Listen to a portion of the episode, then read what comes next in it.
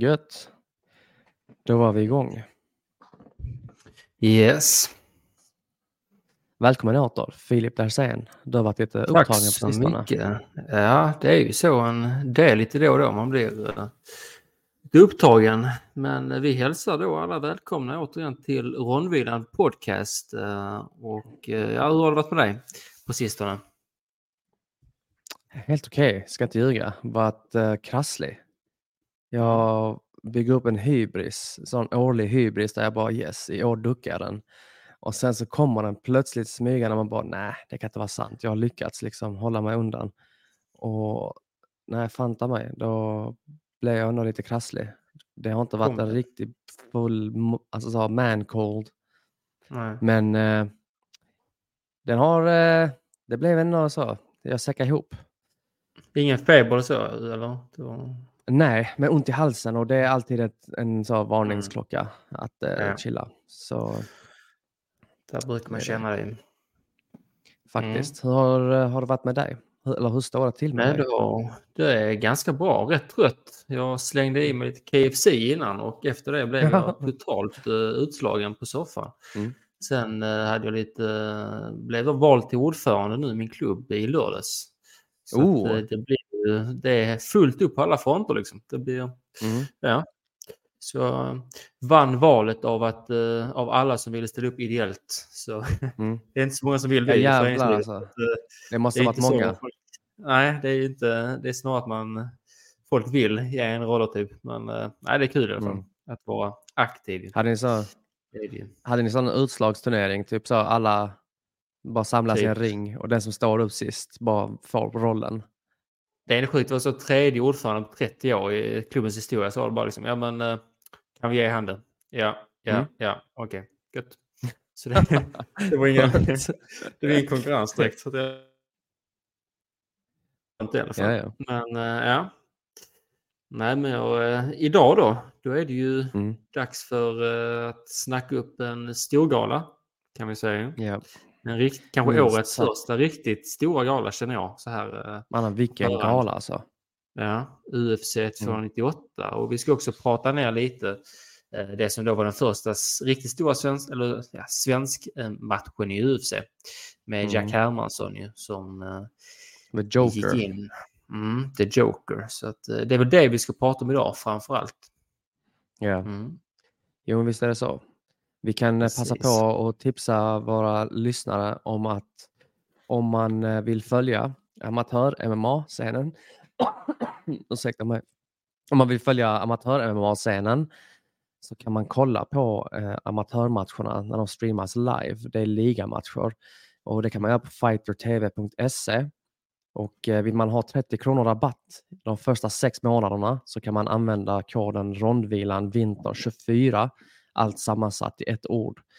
Då får man 30 kronor rabatt de första sex månaderna och då får man även tillgång till hela arkivet och du får rabatter på framtida pay-per-views och sådana här grejer. Så, um, kan, och det är extra aktuellt kan jag tänka mig. Nu extra inför den helgen va?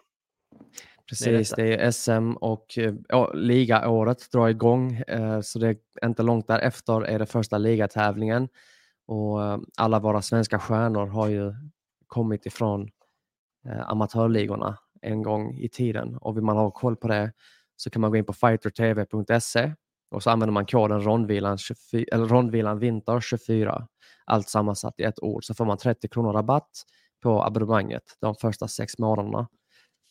Eh, det alltså gäller endast vid nyteckning, värt att tillägga.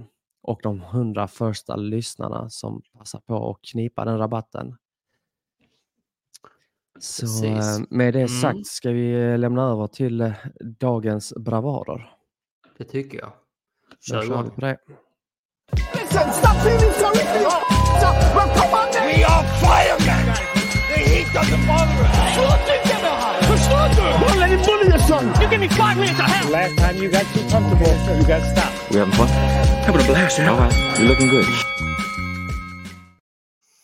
Man kunde ju se här eh, nedanför nu i de här små kamerorna som tittarna inte kan se att vi mm. båda satt och diggade lite i introt. Jag vet inte om du såg det själv, men du skakade lite lätt på huvudet. Så att, eh, ja, det visar att vi är igång, minst sagt. Um, men ska vi börja med Apex, det som hände där. Yeah. I, uh, man trodde man skulle få se underkortet också, men det fick man inte se på uh, Viaplay. Uh, då mm. Hadzovic, danskan, fick uh, lämna återbud. Ju. Mm. Så blev det huvudkortet, men jag kan säga ändå, det var ju tuff konkurrens med andra sporter den här helgen. Lite mm. skidskytte-VM och så. Så att jag ja, usch. la ju all jag satt energi med flera på skärmar alltså. ja, precis. Men jag la ju all energi på eh, huvudmatchen så att säga. Men såg du det live mm. eller du såg det på morgonen?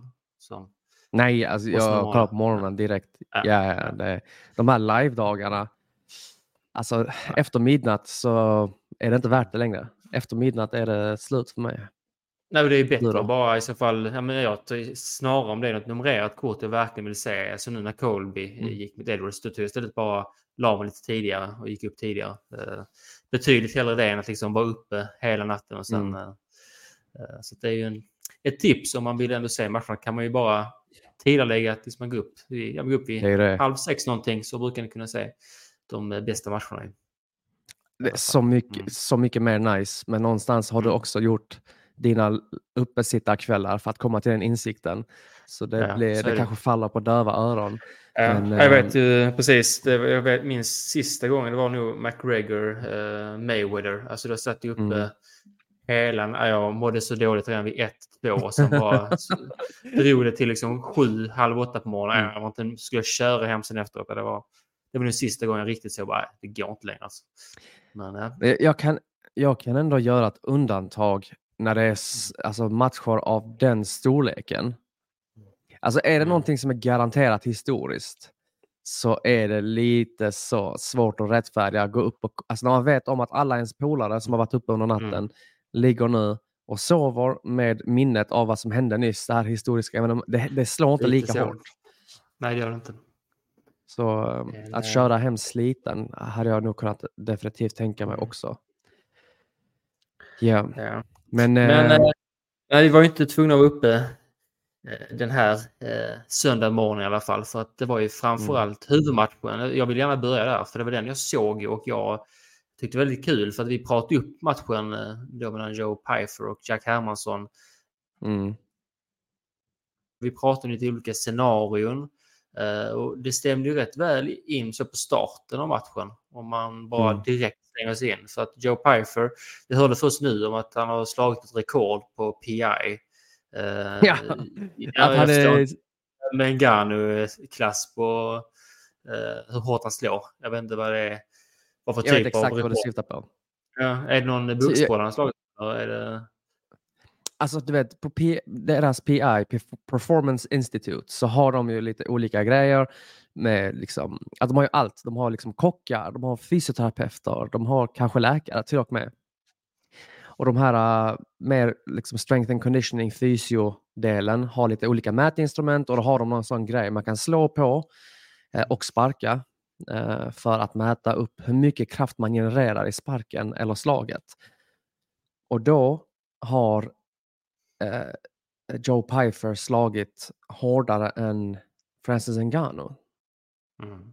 Eller nu, nu, ska jag inte ljuga, antingen slår han lika eh, hårdare. Ja, men det var i alla fall i, i klass med Ngannou. Men jag tänker allt, det är väl mm. alltid så svårt. Det, väl, handlar mycket om när, hur snabbt man träffar. Jag vet inte.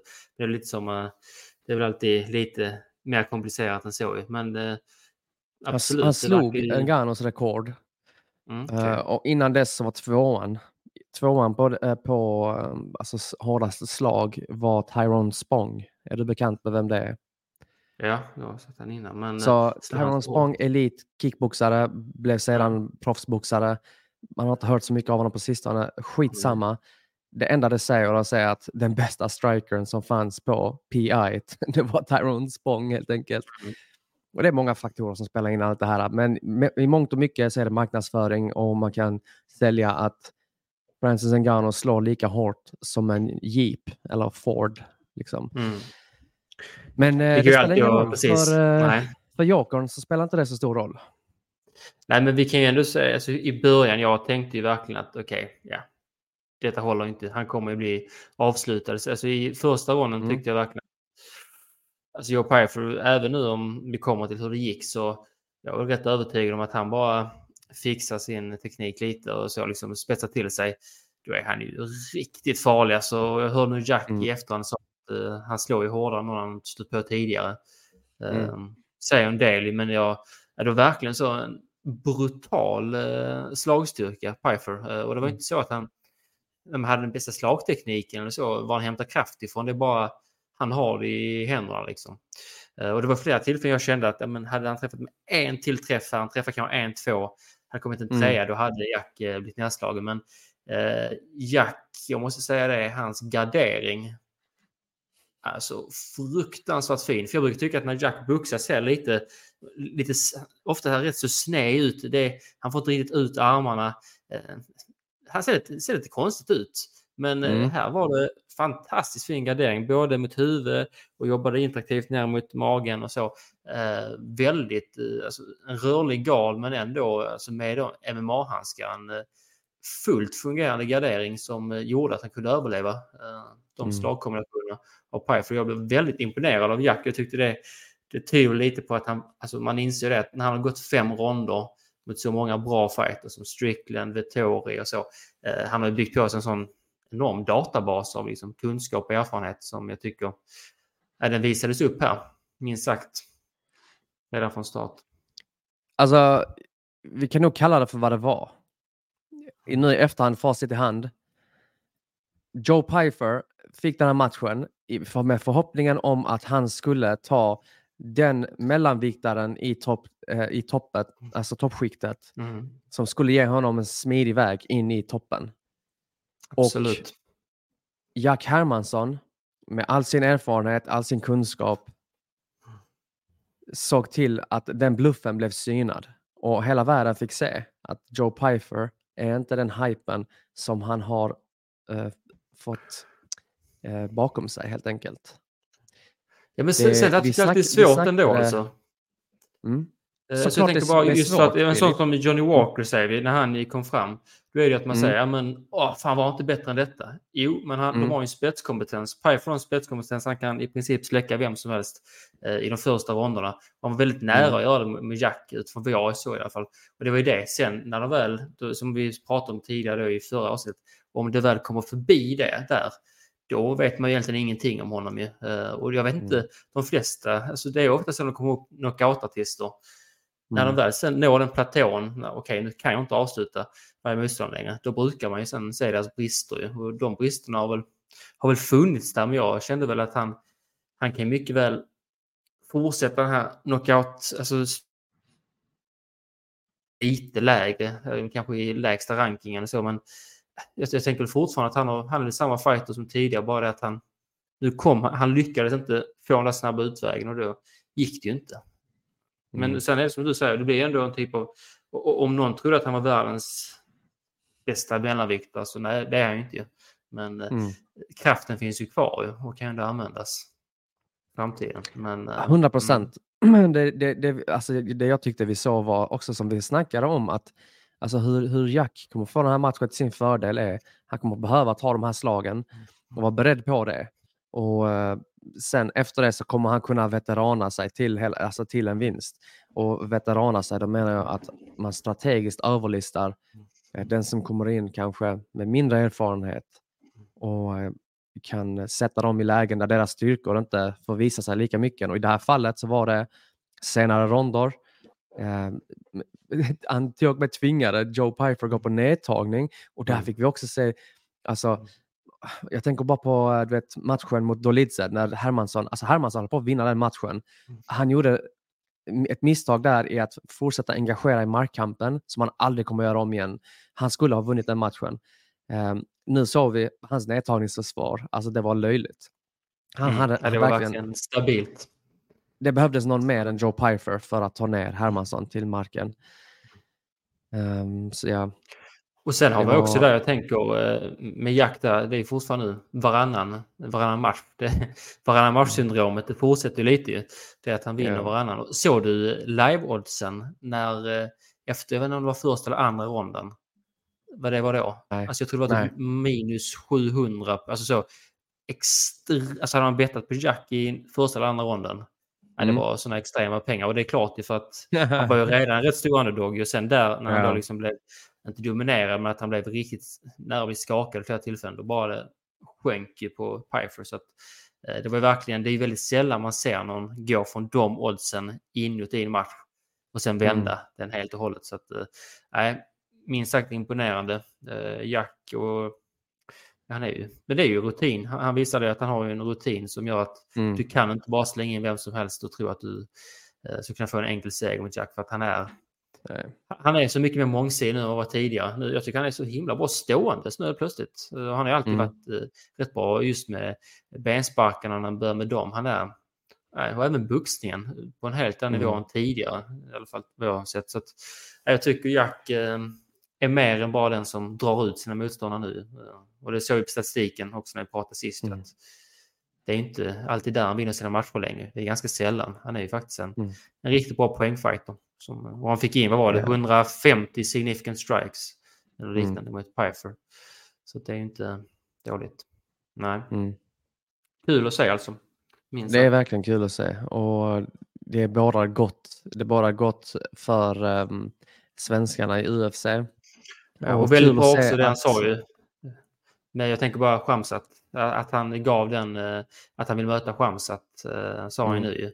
Eh, för att mm. det är ju något sånt som krävs att de ska ta sig till Norge eller Sverige, UFC, för att mm. kämpa med legaliseringen där i Norge. Jag tror det är någon sån match som krävs. Så att Jack har visat att han gör mycket för, för fansen i Skandinavien. Mm. Verkligen. Han, han sa ju också att han gärna möter Imav, Nasruddin Imavov mm. eh, som vann över Dolice nu för någon helg sedan. Eller bokstavligen mm. för, för en helg sedan. Det var det, ja. Eh, den eh, matchen eh, ser jag gärna också för Imavov klättrade liksom upp till åttonde plats i rankingen. Mm. Jag kan säga att det var en bra match för Hermansson. Ja, det, han, det någonting... han, förtjänar ju, han förtjänar nu också få någon som är högre rankad, tycker jag. Jack. Mm. Mm. Nej, men annars var det några stora takeaways från galan förutom huvudmatchen som du såg det? Alltså mer eller mindre så var det en okej okay gala tyckte jag. Det var liksom, det var inte mer än så. Och jag såg den för att vi, vi snackade om den och uh, att Hermansson fightades. Um, så egentligen inte mycket mer än så. Det var feta grejer som hände på eh, eh underkortet. Eh, feta knockouter. Men eh, mm. Jag trodde, eh, jag blev positivt imponerad över uh, ukrainaren som mötte, uh, vad heter han nu. Jag blev positivt överraskad av honom. Sjuk knockout för Dan Ige också. Var släkte yeah. Andre, Andre Feely i första ronden. Mm alltså tuff, tufft nu för Andre Feely. I, eh, alltså tufft förhandlingsläge för honom. Han har ett namnvärde som gör att han är kvar. Men eh, nej. Eh, samma sak för Robo, Robocop, gjorde kaos och bara liksom hamrade eh, Brad Tavares. Uh, ja, kul submission mm. för uh, Rodolfo Viera också. Liksom ett mm. signum för honom. En, alltså rent submissionmässigt.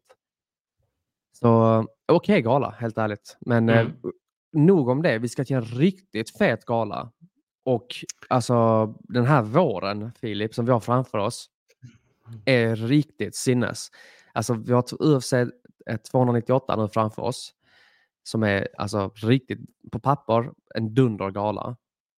Eh, vi har UFC 299 som i sig är en dundergala, men råkar också falla in på en helg där det är jävligt mycket fett kampsportsmässigt. Och sen är det UFC 300 såklart. Så många feta pay-per-views på gång eh, som är intressanta. Men ja. eh, vi kan väl ta det från... Eh, ja, vad tänkte du säga? Jag tänker bara säga det på förhand så är ju UFC 298 den galan mm. jag liksom nästan sett mest fram emot så när jag sett själva färdiga matchkortet. Mm. Uh, det är många andra, UFC 300 har ju liksom, det är ju värdet att det är 300 och det är där det snackas mest om. Men jag tycker att redan här har man gjort ett superkort. Uh, och då med en huvudmatch som man bara, som jag verkligen längtar efter att få se. Ja. Men eh, var ska vi starta? Vilken eh, ordning tycker du? Vi, vi tar det uppifrån ner tycker jag. Så vi, mm. vi täcker liksom den tror den är mest att säga, mest spännande, mest betydelse i relation till viktklassen. Obviously, det är en titelmatch. Så mm. om titeln byter händer eller inte, det är det som är frågan. Och varför i så fall den kan göra det eller varför inte. Det är det vi ska komma in på. Och vi har ju såklart Alexander Volkanovski eh, mot Ilja Topuria. Och alltså, hade jag inte varit krasslig nu några, i några dagar så hade jag haft mycket mer entusiasm i min röst. Men det är alltså fy fan, jag, jag längtar varje gång Alexander Volkanovski ska fightas. Och det har bara blivit mer och mer ända sedan han tog matchen mot Islam till exempel. Bara längtar. En, alltså, innan dess mm. också, för att bara rent strategiskt, eh, taktiskt, så finns det så mycket att lära från den här snubben. Alltså det är så mycket, eh, så många sätt han vinner på i matcher som på papper är till hans nackdel.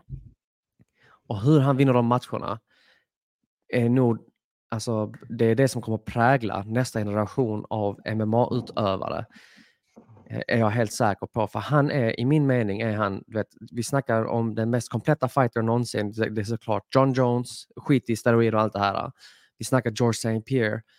Jag tror John Jones är typ, han är ett freak, okej, okay? så skit i honom.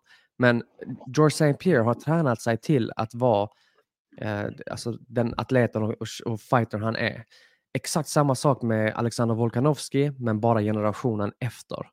Och han är i slutet av sin karriär, eller mot slutet av sin karriär snarare, där han är på sin, alltså sin um, högsta nivå. Eh, påminner lite om George St. Pierre i sitt utövande, eh, i det strategiska. Och det här är, jag tror han är en fighter vi kommer komma ihåg som en fighter som den här generationen gjorde stordåd. Eh, inte bara så, alltså han har ju mött jävligt bra motståndare, men bara i hur han har presterat mot människor som på papper har stora fördelar mot honom. Så mm. Ja, jag, jag äh, håller helt med dig om att det är en otroligt komplett fighter. Precis som du säger, till skillnad från John Jones. John Jones bara har det och har haft det sedan han var 22. Volkanovski mm. spelade rugby när han var liksom 22 eh, och liksom mm. byggt upp sig på ett helt på ett helt annat vis. Eh, eh, han var tjock också. också. Ja, precis. Han var ju jävligt stor. Eh, men jag, ja. jag tror också här, om, om, tio år tror jag man kommer, alla kommer sitta och prata och så, men han var just underskattad Volkanovski var. Och det tror jag mer kommer vara om kändisskapet, att det är det, alltså för att han är inte underskattad. Jag skulle säga att väldigt många håller han extremt högt. Han rankas mm. högt på pound for pound-rankarna och har gjort det länge. Så jag tror mer det bara är en känsla av att han kom liksom in eh, så när han slog Aldo och sen bara det fortsatte. Eh, så jag tror man, man tänker så här, han är så underskattad, men de flesta vet hur bra han är. Men det är klart, mm. han är mm. inte där. Han har inte haft de matcherna som har blivit de största liksom, pay per view matcherna om man ser ut, utifrån det. Det kan vara därför mm. man, som jag tror att man om tio år kommer säga, att han är lite underskattad. Men nu, mm. jag tänker som så här, fjädervikten, det har varit en division, man har haft några yngre förmågor som har tänkt, ja men den här Arnold Allen kanske om något år och så. Men mm. problemet är ju att Volkanovski och framförallt Holloway som någon typ av, eh, inte betjänt, men liksom, han har ju bara så slagit ner allt och alla som man tänkt, ja men mm. den här personen, han kan kanske göra det i alla fall lite... Så verkligen i princip misshandlat resten av eh, divisionen och gjort, eh, varit så fullkomligt eh, dominanta. Och nu har de gått tre matcher mot varandra. En fjärde, mm. ska krävas så mycket för att en fjärde match. Så rent storytellingmässigt och så och för alltså Dana White, UFC, Ilja Tuporia, jag tror de har väldigt mycket, satt väldigt mycket hopp till honom. Och nu får han matchen, han är 14-0. Ehm, så om inte han skulle rå på Volkanovski, vem ska göra det då i den här divisionen? Alltså, det är, för, alltså det är, då är det Holloway och han som är i ett parallellt universum. Yeah. Jag, eh, alltså Tuporia är ju den, han är ju den man, man ser som, ja, han har en möjlighet. Jag kan inte se någon annan inom en treårsperiod en möjlighet om inte Volkanovski skulle sakta ner mm. betänkligt. Eh, så det här är ju därför en väldigt intressant match. Och jag vill ställa en fråga. Tycker du att det är mm. för tidigt för Toporia att gå mot Volkanovski? Eller han är, han är, liksom, han är klar? Är han färdig? Mm. Alltså, det var ju oundvikligt att vi skulle komma in på det för att mm. alltså, Toporias väg till titeln har varit genom att besegra Bryce Mitchell och um, uh, Josh Emmett. Precis, Emmet. Mm. Och på papper så är inte det typ så, oh, okej, okay, ja, men det är självklart liksom, titelchans där efter, alltså, efter de grabbarna. Uh, men det är inte hans fel egentligen. Och jag menar, det, det finns feta contenders eh, i den här viktklassen. Men jag, skulle, jag vill ändå absolut hellre att han går den här matchen eh, och antingen vinner eller förlorar och så lämnar man utrymme för nästa utmanare i så fall. För att det är ingen självklar... Man, man kan argumentera för nu när Movsar Evloev vann senast, men det har inte förvånat mig om han behöver gå en match till eventuellt för att han poängar bara folk eh, till vinsterna. Mm. Uh, så sen om man kollar bara på rankingmässigt, vem är kvar? Okej, okay, du har Max Holloway som har en match bokad, tyvärr. Mm. Uh, Jair Rodriguez, också han fightats om tit titeln. Uh, sen har Brian Ortega också, och samma sak där, han har andra planer. Hålla bortas. Ja, ja exakt. exakt. Uh, så det, du har resten i rankingen har lite mer att bevisa. Så mm.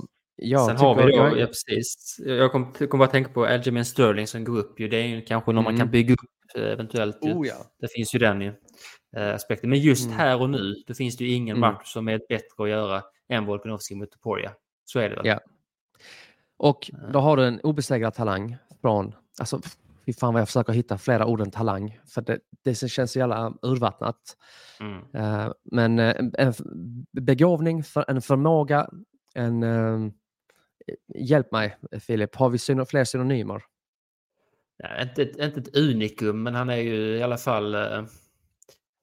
det är häpnadsväckande när man ser honom. Mm. Så han är extre, extremt självsäker. Och det är inte så konstigt, han avslutar alla sina matcher.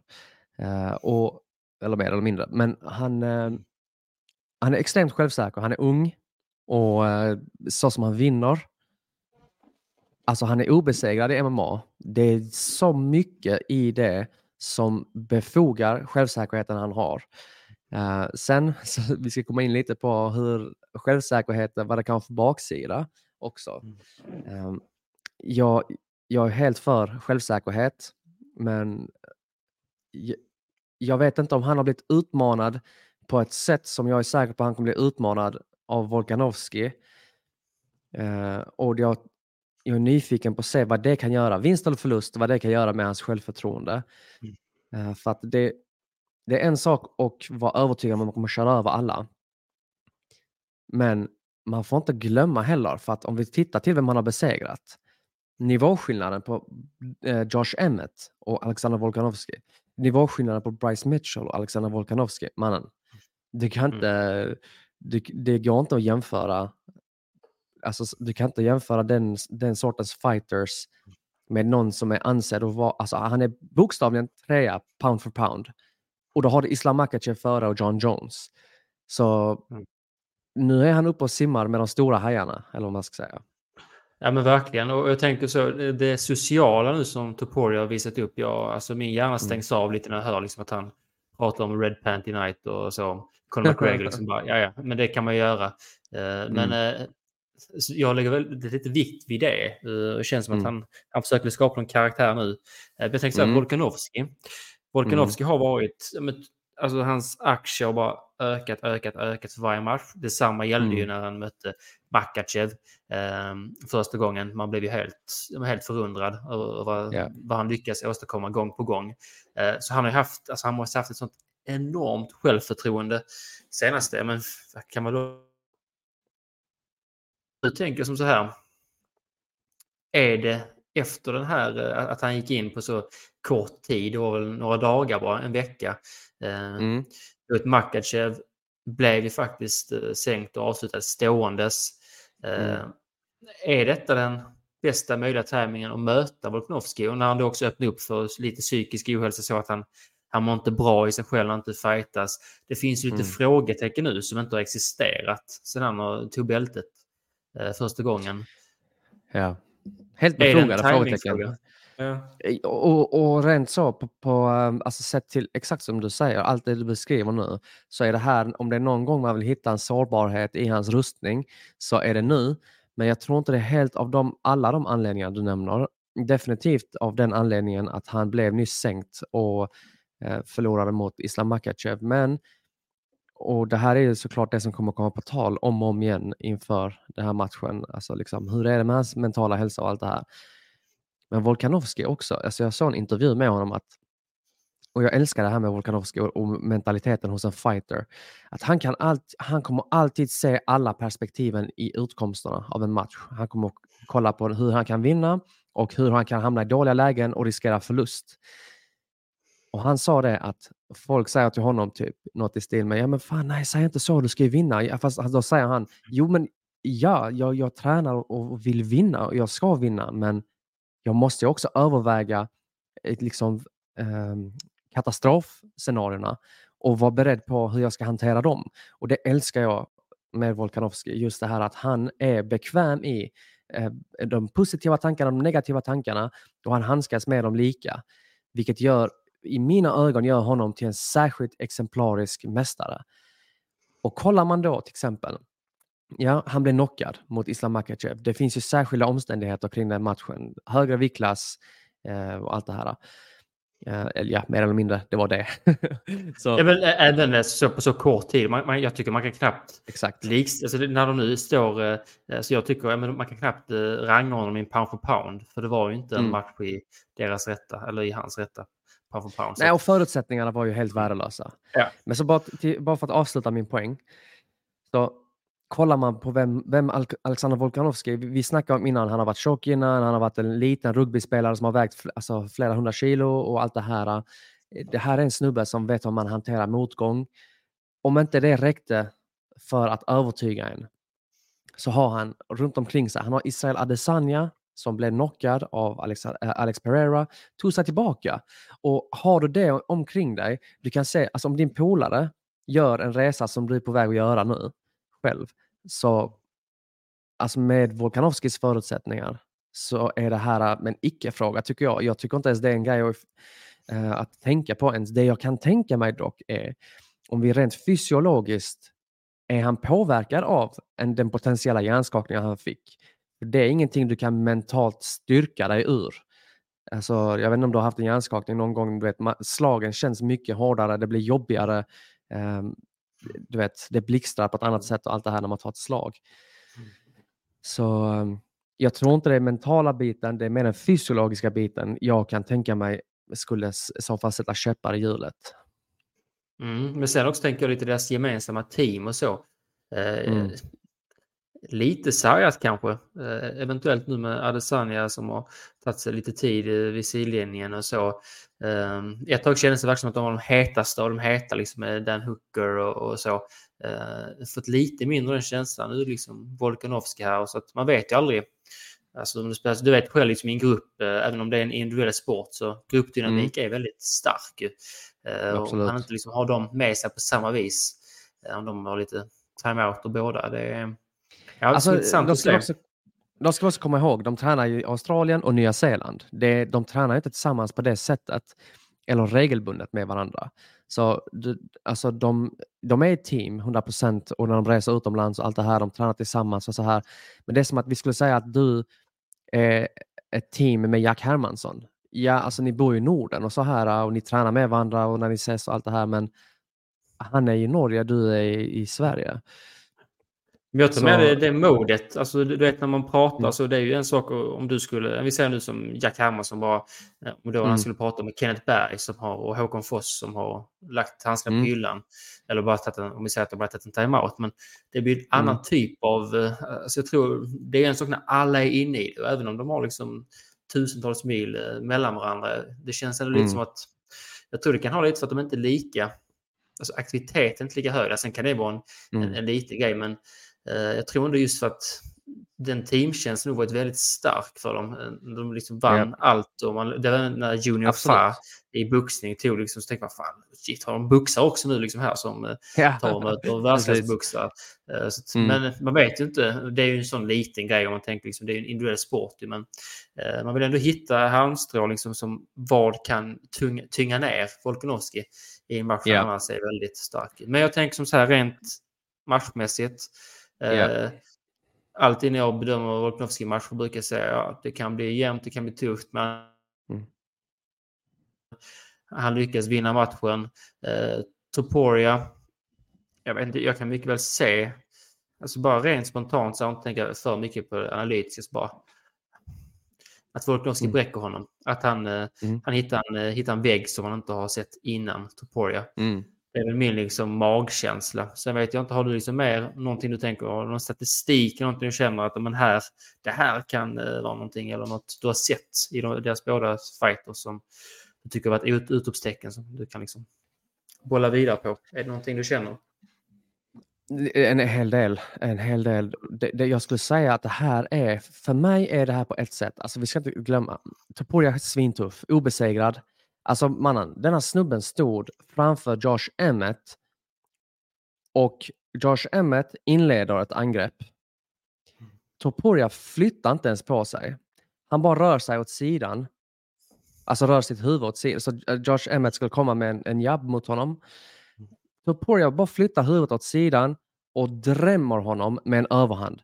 Alltså han är så kall. Alltså riktigt kall mannen. Och det är till hans, styrka, alltså det, det är till hans fördel. Uh, jag tror inte Volkanovski har de hoten som Josh Emmett har i form av slagkraft. Men uh, vad jag ville säga med det var att jag tror det här är en Joe Pfeiffer mot Hermansson fast på högre nivå. Jag tror att Ilja Topuria skulle tjäna på att bli utmanad ett steg mellan Emmet och Alexander Volkanovski innan han gav sig in i den här matchen. För att Alexander Volkanovski, han, det var länge sedan han knockade någon, alltså så, du vet, om man tänker på Emmet mm. så tänker man ja men det är klara knockouter liksom. Det, det är det han gör. Men alltså, förutom då, okej, okay, Chan Sung-Jong-matchen räknas inte, för Chan Sung-Jong var på väg ut. Och eh, tar vi bort Jair Rodriguez-matchen, för där blev Rodriguez alltså utklassad. Mm. Så eh, rent så slagkraftsmässigt så kommer inte eh, Volkanovski sänka dig på det sättet. Vad han kommer göra är att han kommer nöta ner dig rond efter rond, läsa av dig, hitta lägen där han hittar dina sårbarheter. Och det intressanta med det här är att båda dessa herrarna, så om vi tar Volkanovski till att börja med. Volkanovski har oftast, har han mött på senare tid, har mött många som är längre än honom. Eh, och det har på papper inte sett, alltså det är inte fördelaktigt, men han har lyckats. Det all, sätt att nästan alltid i princip ju, för jag, i fjärdevikten. Han är ju så jäkla Exakt. Kort, alltså. Det enda som kommer nära hans längd var Chad Mendes och eh, Aldo. Mm. Och man kan det, det, är lite långt bak så man ska inte läsa för mycket, in för mycket i det.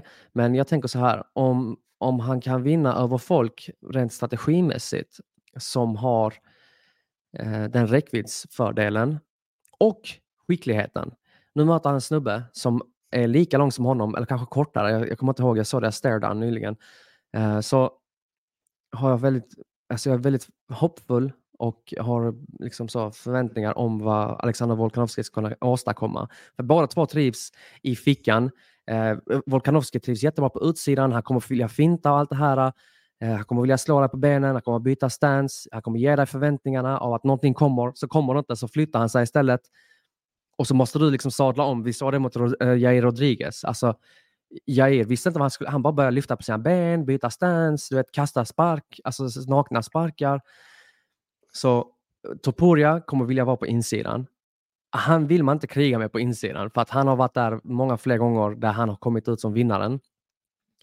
Jag tror Volkanovski kommer vinna mycket på att plocka isär honom på utsidan. Eh, blanda sina sparkar, alltså precis som han gjort tidigare. Blanda sina sparkar, eh, få skapa reaktioner, få läsningar. Jag tror att Volkanovski är så pass erfaren att han kommer kunna få mer utläst av Topuria över tid än vad Topuria kan få av honom. Topuria eh, litar väldigt mycket på sin kraft, slår väldigt hårt. Han blottar sig också väldigt mycket när han slår, vilket jag tror uh, för Volkanovski är det bara fördel ju mer tiden går på klockan. Alltså jag har inte sett alls någonting ut för hans Toporias om man tittar till fightinghjärna och så och fighting i mm. för Volkanovski.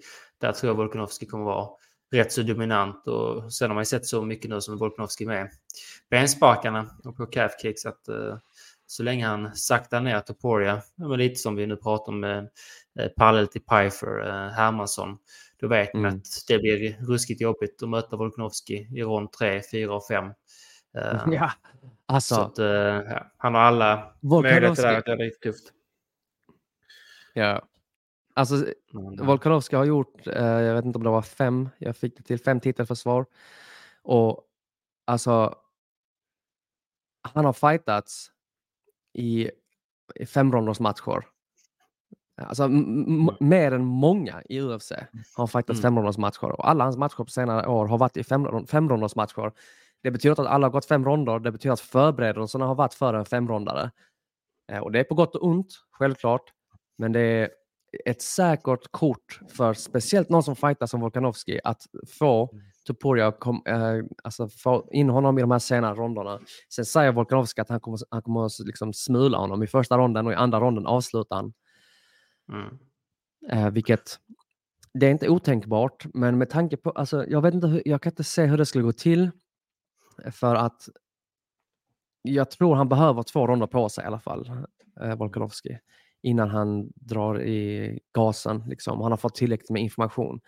Men det kan också vara att Topuria är som du säger så pass, um, vad ska man säga, han är inte så skicklig i det, det, det taktiska. Så han kommer ta sina lägen han får, han kommer lägga allt krut i de lägena och sen hoppas mm. på att alltså, näven möter haka. Mm. Jag ser lite, jag, jag kan mycket väl tänka mig att det blir lite som Josh Emmett ibland är i matcher när han inte får till det. Att vi kommer mm. att se Toporia gå runt och ja, men, satsa på ja, men, när smärre haymakers i fjärde och mm. femte mm. ronden och att Volkanov skulle liksom bara fortsatt kan uh, plocka isär honom.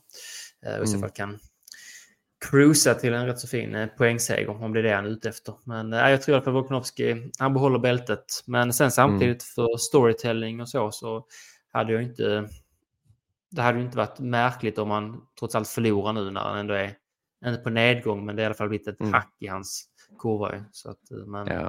nej.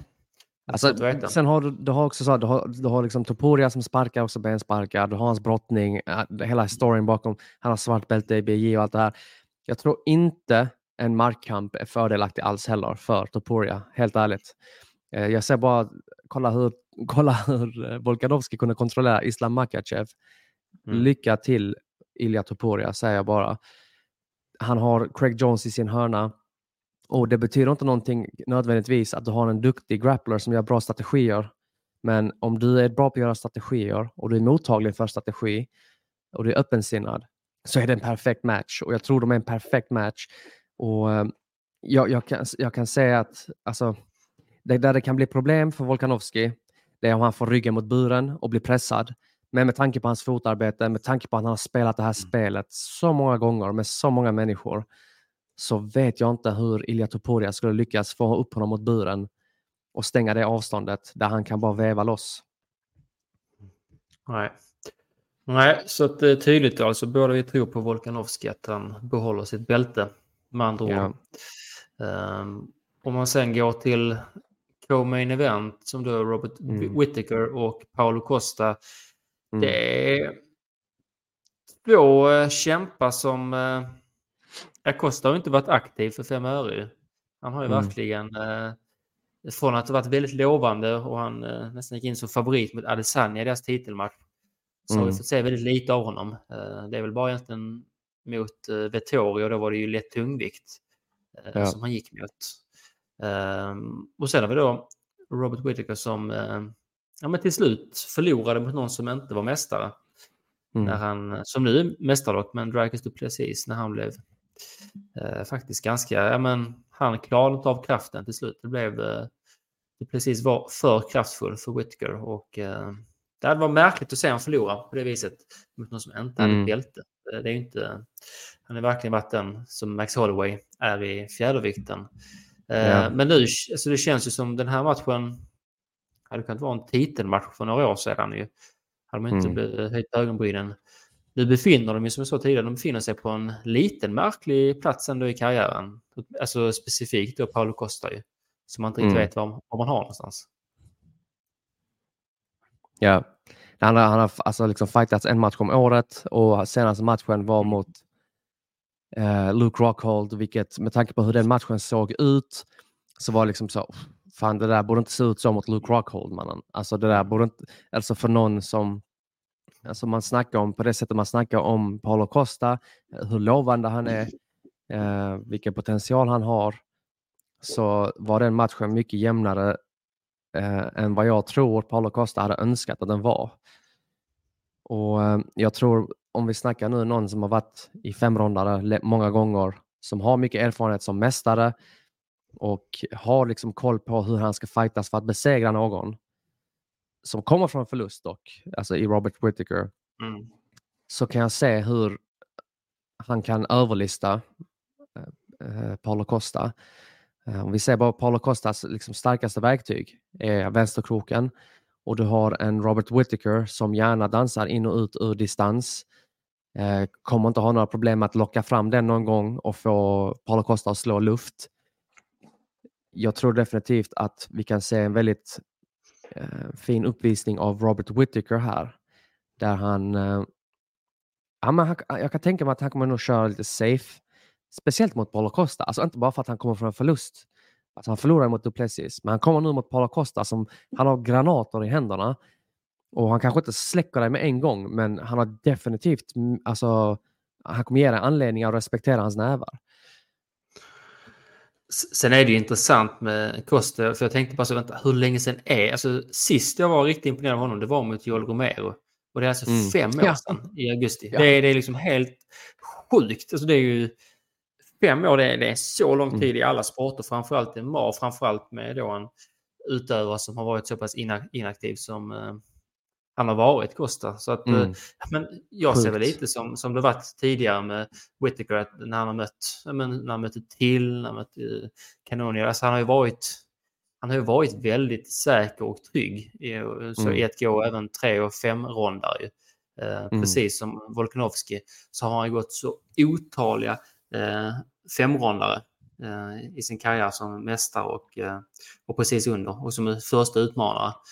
Eh, så det är inte så många tvivel kring honom egentligen. Och Costa, som du sa, det var inte imponerande. Eh, hans senaste prestationer. Whitger är ju väldigt... Eh, han är rätt komplett. Han är bra brottare, bra på mm. marken. Mm. Och det jag har sett lite tendenser Whitger, det var framförallt i matchen mot Adesanya, att han blev lite väl... Och att han var tvungen att ta risker för att eh, du kan ju inte stänga Adesanyas eh, enorma längdövertag annars ju och kom in på den distansen han vill. Men eh, det var väl lite, han såg lite, vad ska jag säga, reckless på svenska, vad är det? Eh, lite mm, oansvarig. Ja, lite vårdslös, gick in och... Eh, och det är väl kanske inte helt smart att, vara på det viset mot Costa, så där, jag tror väl att han kommer vara lite mer analytisk och lite mer defensiv och känna mm. in sig också nu eftersom han har förlorat en match inför. Absolut. Men eh, Whittaker har ju har väldigt många verktyg att använda.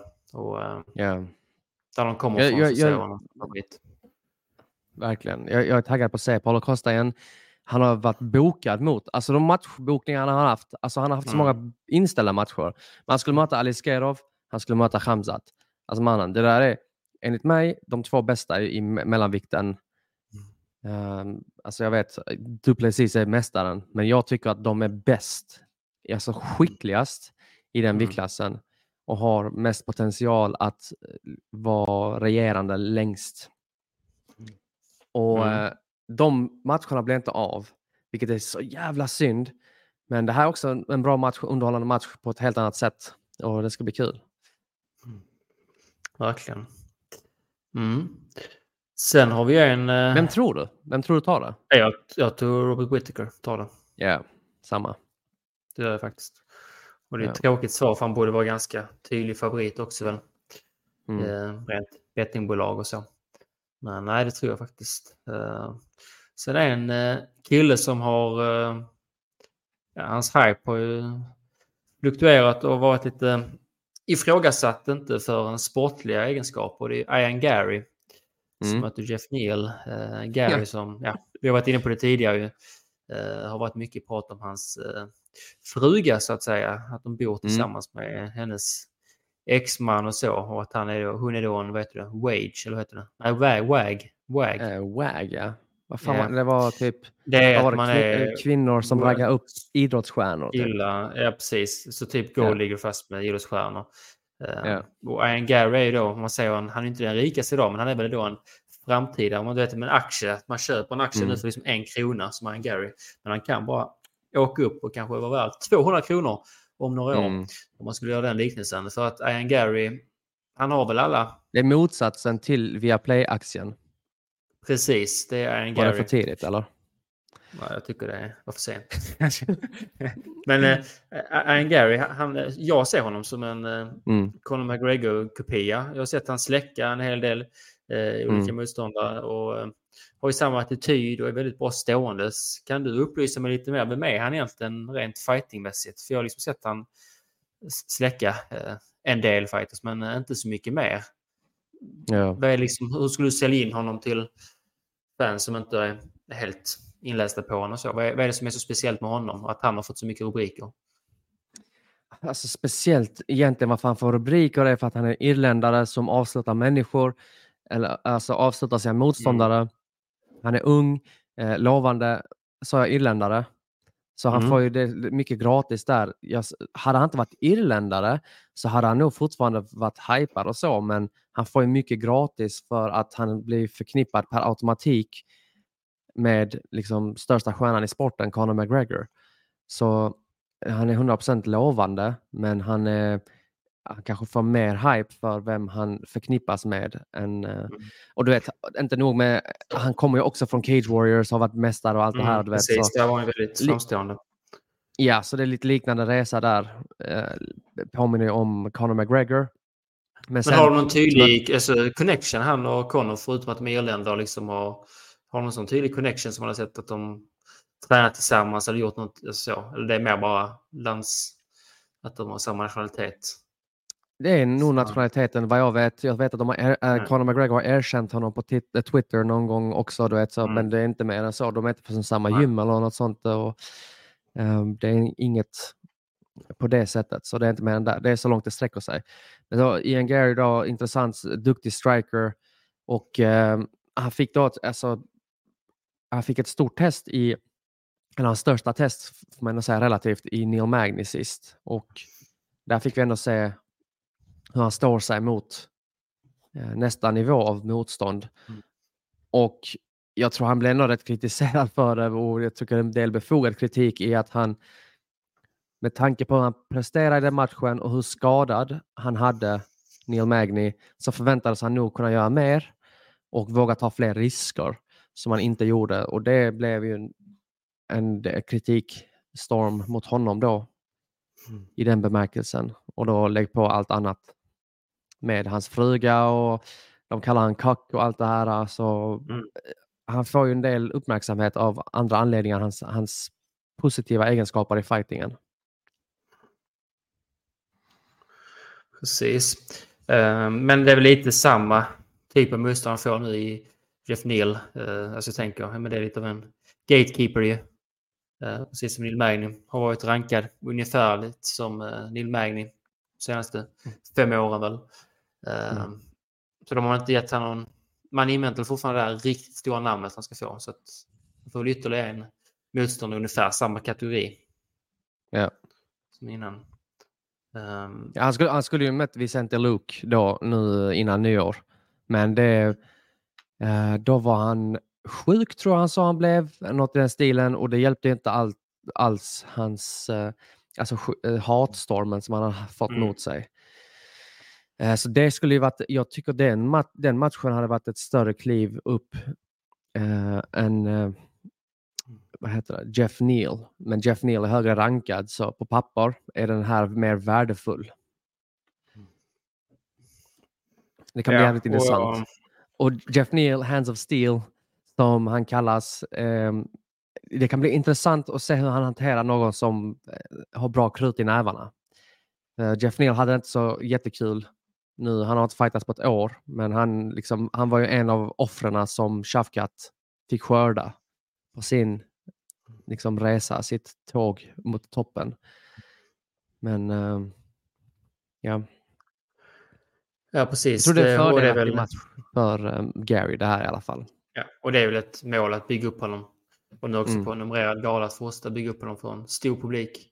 Så att han ja. eventuellt kan vara en... Han kan ju mycket väl sen sälja så som Paddy har gjort i, i Storbritannien. Kan han väl försöka mm. bygga upp honom på liknande vis. Ryan mm. Gary. Uh, men uh, en match som jag hade kunnat ha som en huvudmatch. Alltså verkligen. Uh, alltså jag, det känns typ som... Detta känns typ som en titelmatch mellan... Uh, alltså Merab Dvalishvili. Mm. Känns som en okrönt mästare i mina ögon nästan. Alltså han har varit... Jag vet inte, det har liksom gått så snabbt och man har blivit så oerhört imponerad av honom. Eh, som nu möter Henry Cejudo som, eh, ja, mm. triple, han är fortfarande triple C. Han har inte blivit quadruple C, nej. Fortfarande triple C. Um, när han var som högst i UFC då pratade med honom, men är han den bästa kampsportaren någonsin? Det var kanske lite väl ut men han, han gjorde några riktigt fina prestationer som mästare och blev ju faktiskt en stor stjärna också. Uh, och jag, jag gillar verkligen att han avslutade pensioneringen och kom tillbaka. Uh, mm. Så jag tror fortfarande att Sejudo har någonting att uträtta i UFC, men han får inga lätta matcher. Alltså som comebackande tror... X-Fighter. Alltså verkligen verkligen inga lätta matcher och jag, jag, kan också tänka mig att det är någonstans det han vill för att han är en liksom, högpresterande idrottare rakt igenom och det här är i slutskedet av hans karriär. Det är inget läge att gå ner i motstånd. Då tror jag hellre att han lägger upp handskarna på hyllan och han är inte intresserad av att göra det. Däremot tror jag om nu han skulle ta en förlust mot Merab så kan jag tänka mig att han lägger handskarna i buren och tackar för sig. Mm. Det är jag övertygad om. Men, men, men att han tar det nu, liksom, alltså jag tänkte att ja. någon typ av eh, warm, inte warm-up fight, men du vet någon typ av lite så. Eh, så man kan ta en, en seger och hype igen. Ja, alltså, för han tar liksom Merab som inte har en titel, men är mm. ju tillräckligt bra för att ha en titel. Eh, ja. och om man ska säga, hans match mot Piotr Jan, det var ju, det är rätt länge sedan nu, så 11 mars mm. 2023, nästan ett år sedan.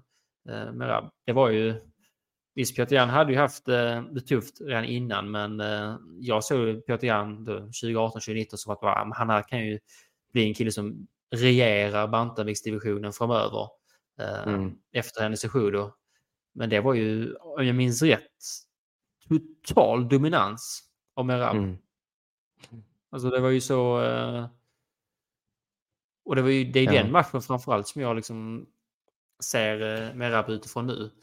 Eh, mm. Och tycker att han är, ja men, jag ser han mycket väl som att han slår Sean O'Malley, hade tag, kunnat ta ett bälte. Uh, Dvalishvili är just nu, han är väldigt högt upp på min uh, ranking om jag skulle ranka upp uh, bantamvikten. Har jag fel eller var inte den väldigt imponerad där mot uh, Jan? Alltså den är verkligen, det var ju dominant. Fem mm. ronder. Jo, absolut. Alltså, det, det var dominant och jag tror det är den prestationen där som fick Merab att fastna på hornhinnan för många efter det. Eh, det är inte så att han inte har presterat bra innan dess, men just det, hur han gjorde det mot vem han gjorde det och tanke på vad man hade för förvänt förväntningar av Peter Jan så var det alltså rakt av en utklassning. Mm. Och eh, ja, ja, det var den, det var den prestationen som fick mig att tänka typ så shit, det här, han här snubben är alltså en mardröm att möta. Men vem jag tror vem jag tror faktiskt kan hantera mardrömmarna som Merab Dvalishvili, eh, det är faktiskt Henry Cejudo. För att Merab är väldigt påvisande med, med sitt hot av nedtagningarna och sin kvävande press. Alltså du vill inte bli nedtagen av honom. Och även om du kommer upp så kommer han brotta ner dig igen. Och du vet inte om, alltså blir du nedtagen om och om igen av honom, alltså då har du... Han, han, han, kan ju få, verkligen få folk att vilja önska att fan, kan vi göra om trainingcampet? Jag vill förbereda mig annorlunda för honom. Och det, det är en bra plats att vara på för Merab för att det ligger ute där vad han är förmögen till. Och han kan mycket väl få det att se annorlunda ut när han går in mot Henry Cejudo. Um, I den men, bemärkelsen men, att han kan... Mm. Men jag vill ställa en fråga. Liksom. Jag tänker liksom en, en kille som tog ett OS-guld i brottning.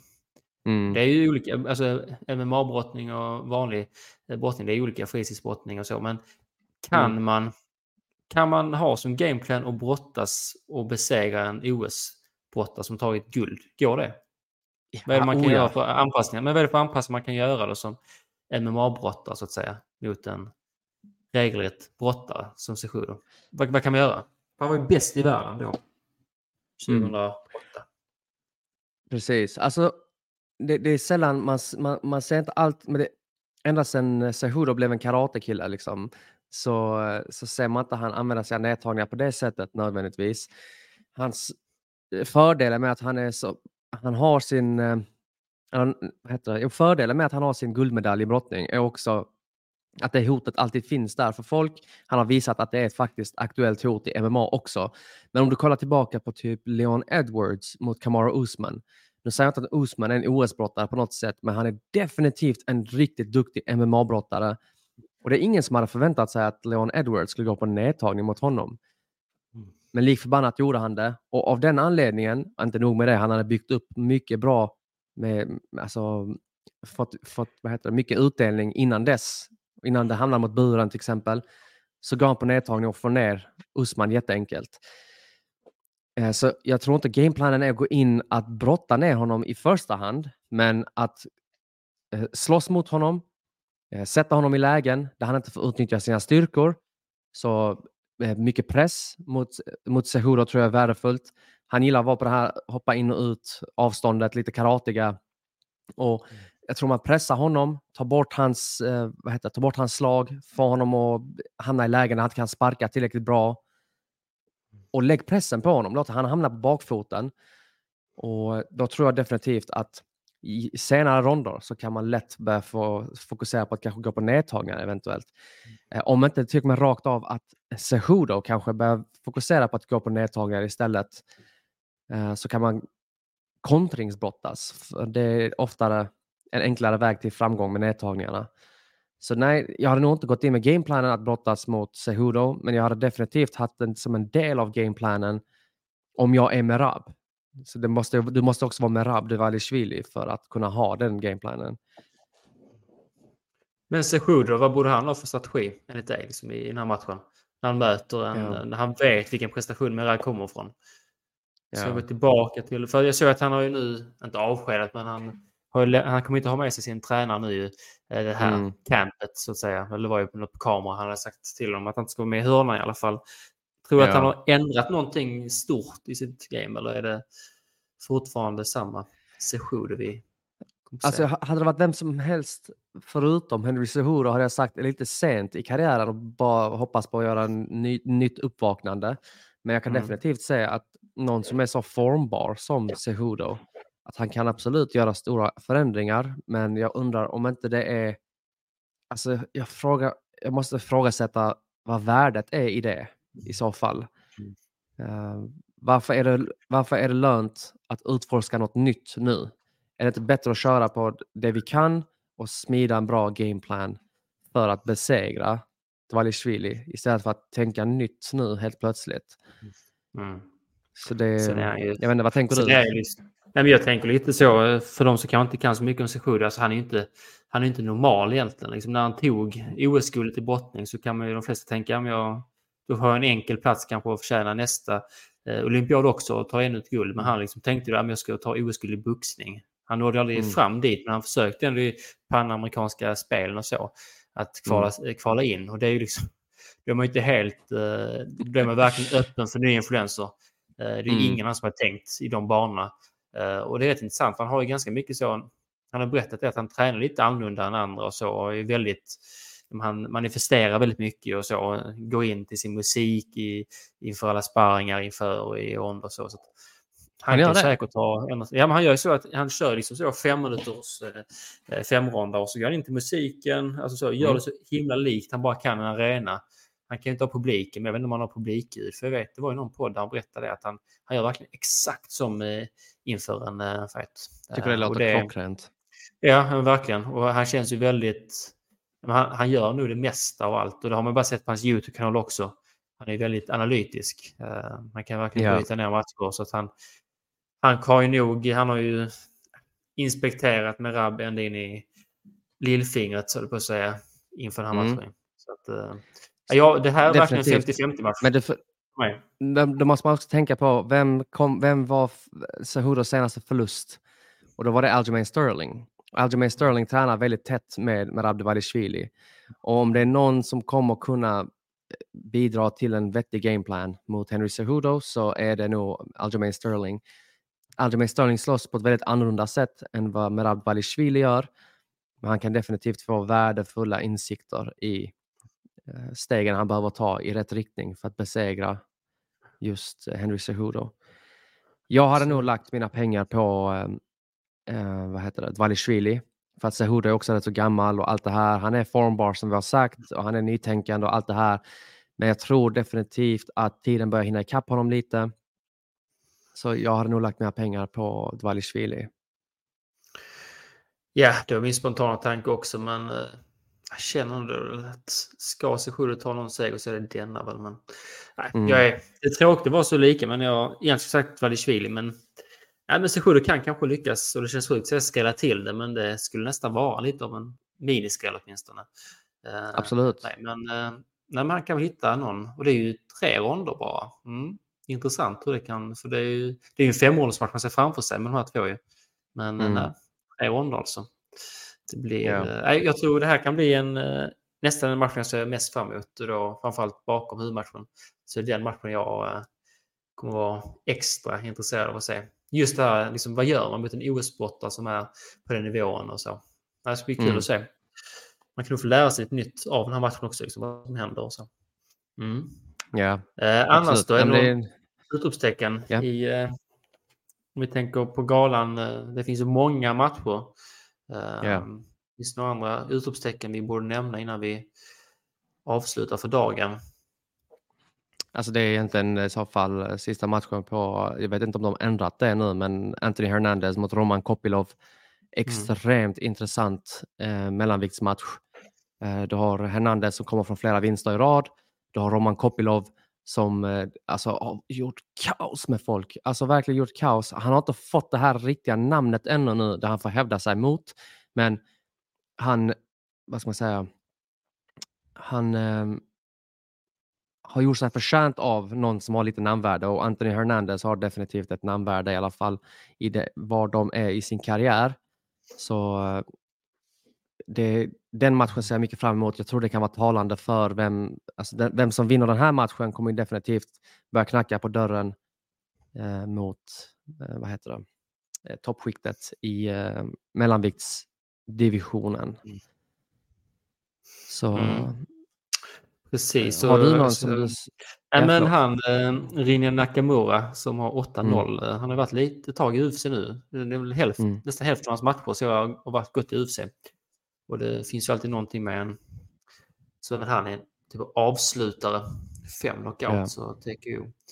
Uh, eh, så att det är någon jag tänker lite framtidsnamn och just asiatiskt namn. Absolut. Alltså, han är en, en av, alltså, den matchen har jag sagt också i så fall. Eh, för Rinja är ju en av de vad ska man säga, mest meriterade brottarna. Eller han har högst meriter i brottning i UFC. Förutom um, Cejudo. Medan han har vunnit uh, i uh, brottning? Alltså har han... Jag har, inte, i, ja, han, har varit, han har varit kvalad till OS i alla fall. Eh, mm. Han missade det för att han, satsade, han, var, han missade kvalen till OS på grund av corona eller covid och så efter det bara fuck it mannen, vi bara kör MMA. Dags att tjäna pengar.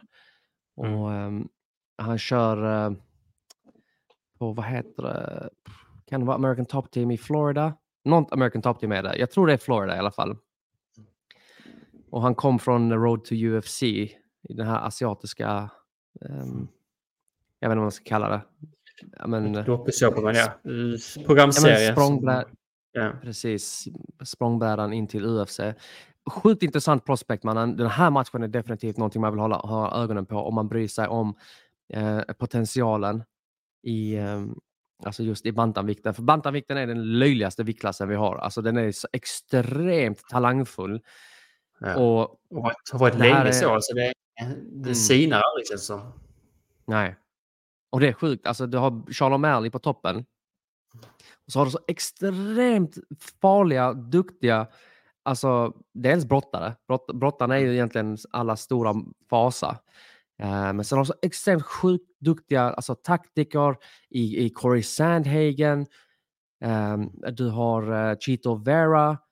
Uh, nu ska det i och för sig de slåss, men um, alltså du har vad heter det, Rob Font, Umar Normagomedov som har fått match. Det är bara löjligt. Mm. Ja, men lite så avslutning så är det ju det är inte det lättaste att som utpräglad striker som Sean O'Malley med hans kroppsform att dominera nu i en att försöka bli en dominant mästare i en viktklass med så fruktansvärt bra brottare. Man kan mm. hitta lättare viktklasser utifrån hans styrkor och svagheter. Men ja. eh, det kommer ju till framtiden. Precis. Vi har någon dammatch också som är värd att nämna. Det är Mackenzie Dern mot Amanda Lemos. Uh, Mackenzie Dern, senast vi såg henne, la väldigt mycket bajs i maten och uh, det var pannkaka rakt av. Det ska bli kul att se om hon får uh, hävda sig på nytt mm. i uh, strawweight.